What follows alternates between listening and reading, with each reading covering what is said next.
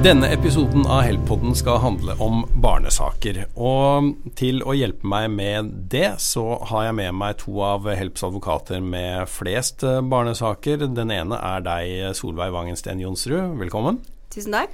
Den andre er deg, Arne Johan Almeland. Hei til deg også. Hei, hei. Eh, Solveig, når noen eh, kontakter deg eh, og har et problem i forhold til mor eller far, hvordan vil du angripe en sånn sak? Når vedkommende da ringer inn til meg, så tenker jeg det er viktig at jeg får mest mulig informasjon fra vedkommende for å kunne gi best mulig råd. Eh, han eller hun har kanskje gjerne en oppfatning av at eh, han skal ha en slik og sånn samværsordning fordi det har han lest på nettet, eller han har sett naboen har det eller eh, ja, eh, har ideer om hvordan dette her kan være. Og da er det viktig at jeg får mest mulig informasjon, slik at jeg kan gi klienten min best mulig råd til hva som er dette barnets beste. Ja, men hvordan, hvordan finner man ut av det da, egentlig? Der er det jo ikke noe fasitsvar. Eh, hvert enkelt barn har jo ulike behov, eh, og man skal alltid ta en konkret vurdering til hvert enkelt barn. Altså en søster og en bror kan ha forskjellige eh, behov. Eh, barnets alder har jo selvfølgelig betydning. Reiseavstanden mellom foreldrene vil ha, være sentralt. Og hvem av foreldrene som kan bidra til en best samlet foreldrekontakt, vil også eh, være av betydning. Hva er det du som advokat tenker at du først og fremst kan bidra med i en barnesak, Arne Jan? Uh, nei, altså vi bidrar med å prøve å finne løsninger som er best for barna. Og et barn skal jo bo et sted. Barnet har jo lovfestet rett til samvær med den andre. Og da er det jo om å gjøre å finne det uh, samværet som er riktig i den kon konkrete saken. Da. Det er jo ikke helt lett å vite, men som Solveig er inne på, da, vi, vi må på en måte finne ut av faktum, og hva, hvilke faktum som er styrende for det resultatet vi da eh, rådgir på.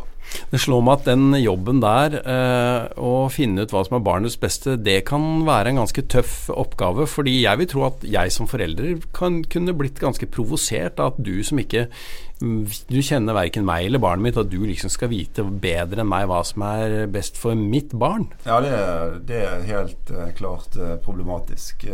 Vi sitter jo ikke med fasiten over hodet, men vi sitter med kunnskap om hva som er på en måte normalen. men vi har ikke noen fasit. Og, og, og, det som er også helt normalt i de her sakene, det er at vi starter med den første samtalen med mor eller far. Eh, så vil saken etter hvert også bli mer tydelig for oss.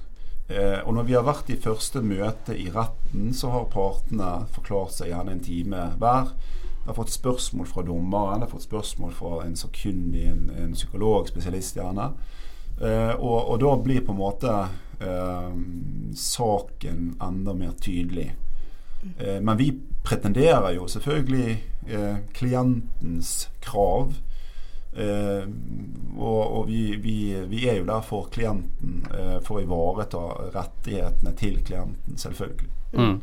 Er, det, er, det, mye som skiller advokatens rolle i en barnesak fra uh, advokatrollen i andre saker? For det er jo vanlig at advokater går ganske høyt på banen, og uh, noen tøffer seg kanskje litt for sin egen klient også, men det høres ikke ut som det er en farbar vei i barnesaken akkurat? Nei, altså Hvis man tenker seg første advokatbrevet, så kan jo det dumpe ned i, i, i en eh, postkasse og være ganske uh, provoserende uh, at den ene parten har gått til advokat. Så, så der uh, kan det være et poeng å holde seg litt, litt i bakgrunnen, hvis det er mulig.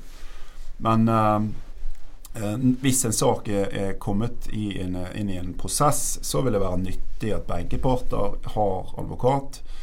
Eh, for det handler litt om å, å sortere argumentene. Hva, hva, har man lov å komme med i en barnesak? Hva er, er ikke lov å komme med? Mm. Så er det jo litt viktig å tenke på at vi advokater i barnesaker eller foreldretvistsakene har jo et litt annet ansvar, for vi skal også se på hva er, det, altså, hva er det som er til barnets beste. Det er også førende for den jobben vi skal gjøre.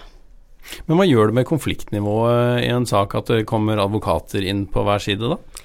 Det er litt sånn som Arne Johan sa i stad. Eh, I begynnelsen så kan det kanskje føre til et mer, et høyere konfliktnivå. Men i andre saker så tenker jeg at det er viktig fordi vi kan hjelpe klienten med å sortere hva som er relevant, og hva er det som ikke er relevant. Og dermed kunne skape et lavere konfliktnivå. Um, i begynnelsen av disse sakene så kan det være godt å komme til oss for å få råd. Eh, bare for å få hjelp til å sortere hva er det som er viktig å få med, og hva er det som ikke er viktig.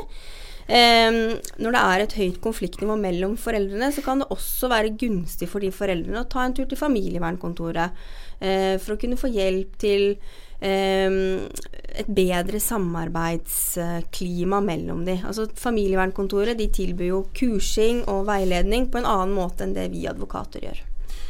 Samtidig så er det jo sånn at uh, når advokatene er kommet inn i, i sakene, så uh, jeg, har, jeg, har, møtt uh, veldig mange advokater på andre siden som er veldig flinke og, og, kan bidra til å løse konflikt. Mm. Er edruelige. Eh, er i stand til å ta, ta eh, litt eh, tak i øret til egen klient og si at eh, hva er mulig og hva er ikke mulig. Og her må vi på en måte finne noen løsninger. Så det er veldig mange flinke advokater rundt omkring som, som, også eh, bidrar og, og har det klart for seg, og at vi også styrt av hensynet til barnets beste. Mm. Gode advokater på hver side kan bidra til å finne gode løsninger på saker. Men vi skal ikke glemme å snakke om familievernkontoret heller, for eh, der kan man også få god hjelp, ikke sant? Ja, absolutt. Eh, familievernkontoret kan være veldig nyttig i å eh, hvor partene da kan møtes sammen og snakke om en del av de utfordringene de har. Eh, familievernkontoret de tilbyr også kursing på ulike nivåer. Det samme med barnevernstjenesten. Eh, og det, I mange av de høykonfliktsakene så kan nok det være nyttig for foreldrene å, å, å søke bistand der også. Mm. Eh, da stemmer det ikke, da, Arne Johan, som jeg har hørt noen ganger, at eh, familievernkontoret er et sted du må innom for å få en attest, sånn at du kan gå i retten? Nei, eh, det er ikke riktig. Eh, og det er veldig mye bra kompetanse ute i familievernkontorene. Og ofte så er det folk som har både vært ute en vinterdag og skjønner litt om livets realiteter, og kan ta tak i partene, og også forventningsstyret, og, og klare å bidra til løsninger. Mm. Um, det, det, er i hvert fall min erfaring. Og, og, og det er ingen som har gått um, for mye på familievernkontoret, men det er veldig mange som har gått der altfor lite. Mm. Men betyr det at når dere får en henvendelse, at en del av de uh, henvendelsene som kommer, er urealistiske? At de bygger på litt urealistiske forventninger? Mange har jo litt urealistiske forventninger. Eh, fordi disse sakene har veldig, veldig, veldig mye følelser. Eh, og da eh, blir eh, gjerne ambisjonsnivået til en mor eller til en far eh, veldig høyt. Eh, og da handler det litt om at vi prøver å finne litt ut om, om faktum. Eh, en, en, liten jente som ikke vil dra til eh, eh, samvær hos faren sin, for hun har ikke lyst, eh, trenger ikke bety at eh, faren er en overgriper. Eh, det kan hende det har med, som de aller fleste psykologer eh, snakker om, at en, en, et barn har lyst til å være der det er. Så denne endringen i seg selv kan være litt problematisk. Som forelder så er det kanskje lett å tenke økonomi inn i disse sakene. Hvor ofte er økonomiske motiver involvert i barnesaken, tenker dere? Det ser vi jo egentlig veldig ofte. Eh, mange snakker jo om et 40-60-samvær eller 30-70-samvær, fordi det får betydning i forhold til hvilken samværsklasse man kommer inn under, og da hvilket barnebidrag den andre skal betale. Så ofte så ser vi jo at noen av foreldrene har et økonomisk motiv eh, i forhold til eh, hvilken samværsordning de vil at den andre skal ha. Mm. Barna er ofte ikke så opptatt av brøkregning før de blir litt eldre. Nei, altså eh, Vi prøver i hvert fall å si at hvis man blir eh, skal vi si ferska i, i, i, retten på dette eh, økonomimotivet, og at det ikke er noen andre klare motiv som handler om barnets ve og vel, så eh, vil det ofte bli eh, reagert negativt på. Jeg har sett noen dommer som har vært ganske bryske mot en, en mor, eh, typisk, som eh, nekter plent å, å utvide eh, samværet en dag til. Eh, og klarer ikke begrunne det på noen slags måte. Mm. Eh, men heldigvis, da får vi si, så eh, er det de færreste sakene som faktisk ender i retten. Og det skyldes jo bl.a. at eh, advokater på hver side bidrar til mange gode avtaler. Men de avtalene som dere bidrar til å inngå, hvor detaljerte kan de typisk være? Er det sånn at overlevering av lille Klaus skal skje akkurat der, klokka akkurat da, eller er det mer sånn det skal være så og så mange netter i uka hvor han bor hos far eller mor? De fleste avtaler vi lager, de er jo ganske altså detaljstyrt. Um, detaljregulert. Uh, hvor uh, man har uh, dager, man har klokkeslett, og man har leveringssteder og tidspunkt. Man har feriereguleringer. Så ser man kanskje i de mest konfliktfylte sakene, så går man jo da enda mer i dybden på detaljregulering. Men så er det jo sånn at den avtalen som da ligger der, vil være uh, grunnmuren, så å si. Og at partene, en mor og en far, kan endre på avtalen og tilpasse den etter hvert hvis man er enige om det. Det er en fleksibilitet som, som, partene alltid har. At vel, vel, nå blir det litt travelt, nå er det håndballturnering, og da blir helgesamværet forskjøvet til neste uke, etc. Og klarer man det, så har man jo et ekstremt godt utgangspunkt for barnets beste. Og det er det man helst ser. Mm. Mm. Men uh, som advokater, hva tenker dere er det viktigste suksesskriteriet for at dere skal lykkes uh, i en sak? da?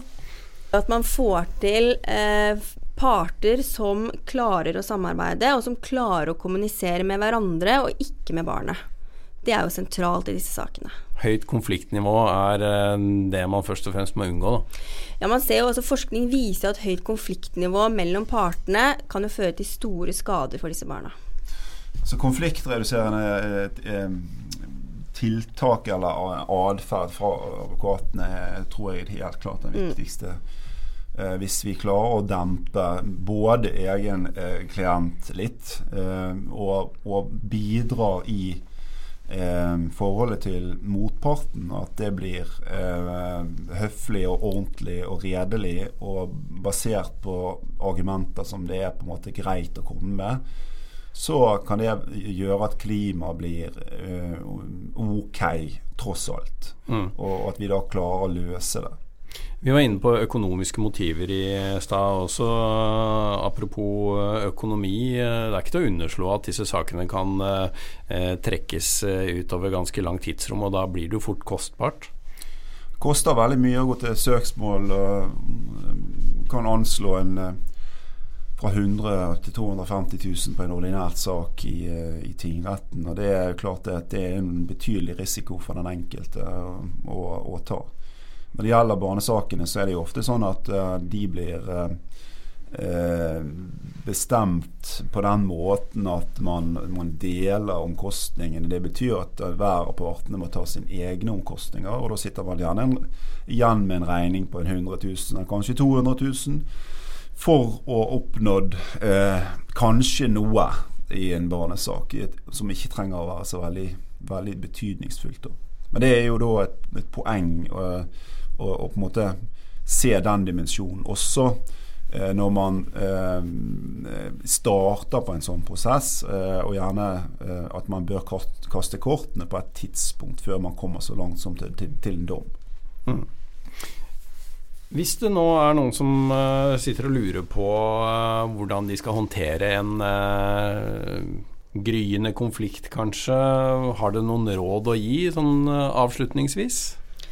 tenker det er viktig at de tar kontakt med advokat. Eh, får gode råd til eh, hva de kan gjøre i saken, og hvordan eh, de bør gå frem. Eh, hva er det som er relevant i denne saken, og hva er ikke relevant i saken. Mm. Jeg tror vi sier at det var eh, en liten innføring i barneretten eh, fra to av de advokatene i Help som har aller flest av dem, Arne Johan Almeland og Solveig Wangensten Jonsrud. Og tusen takk for at du hørte på Help-podden.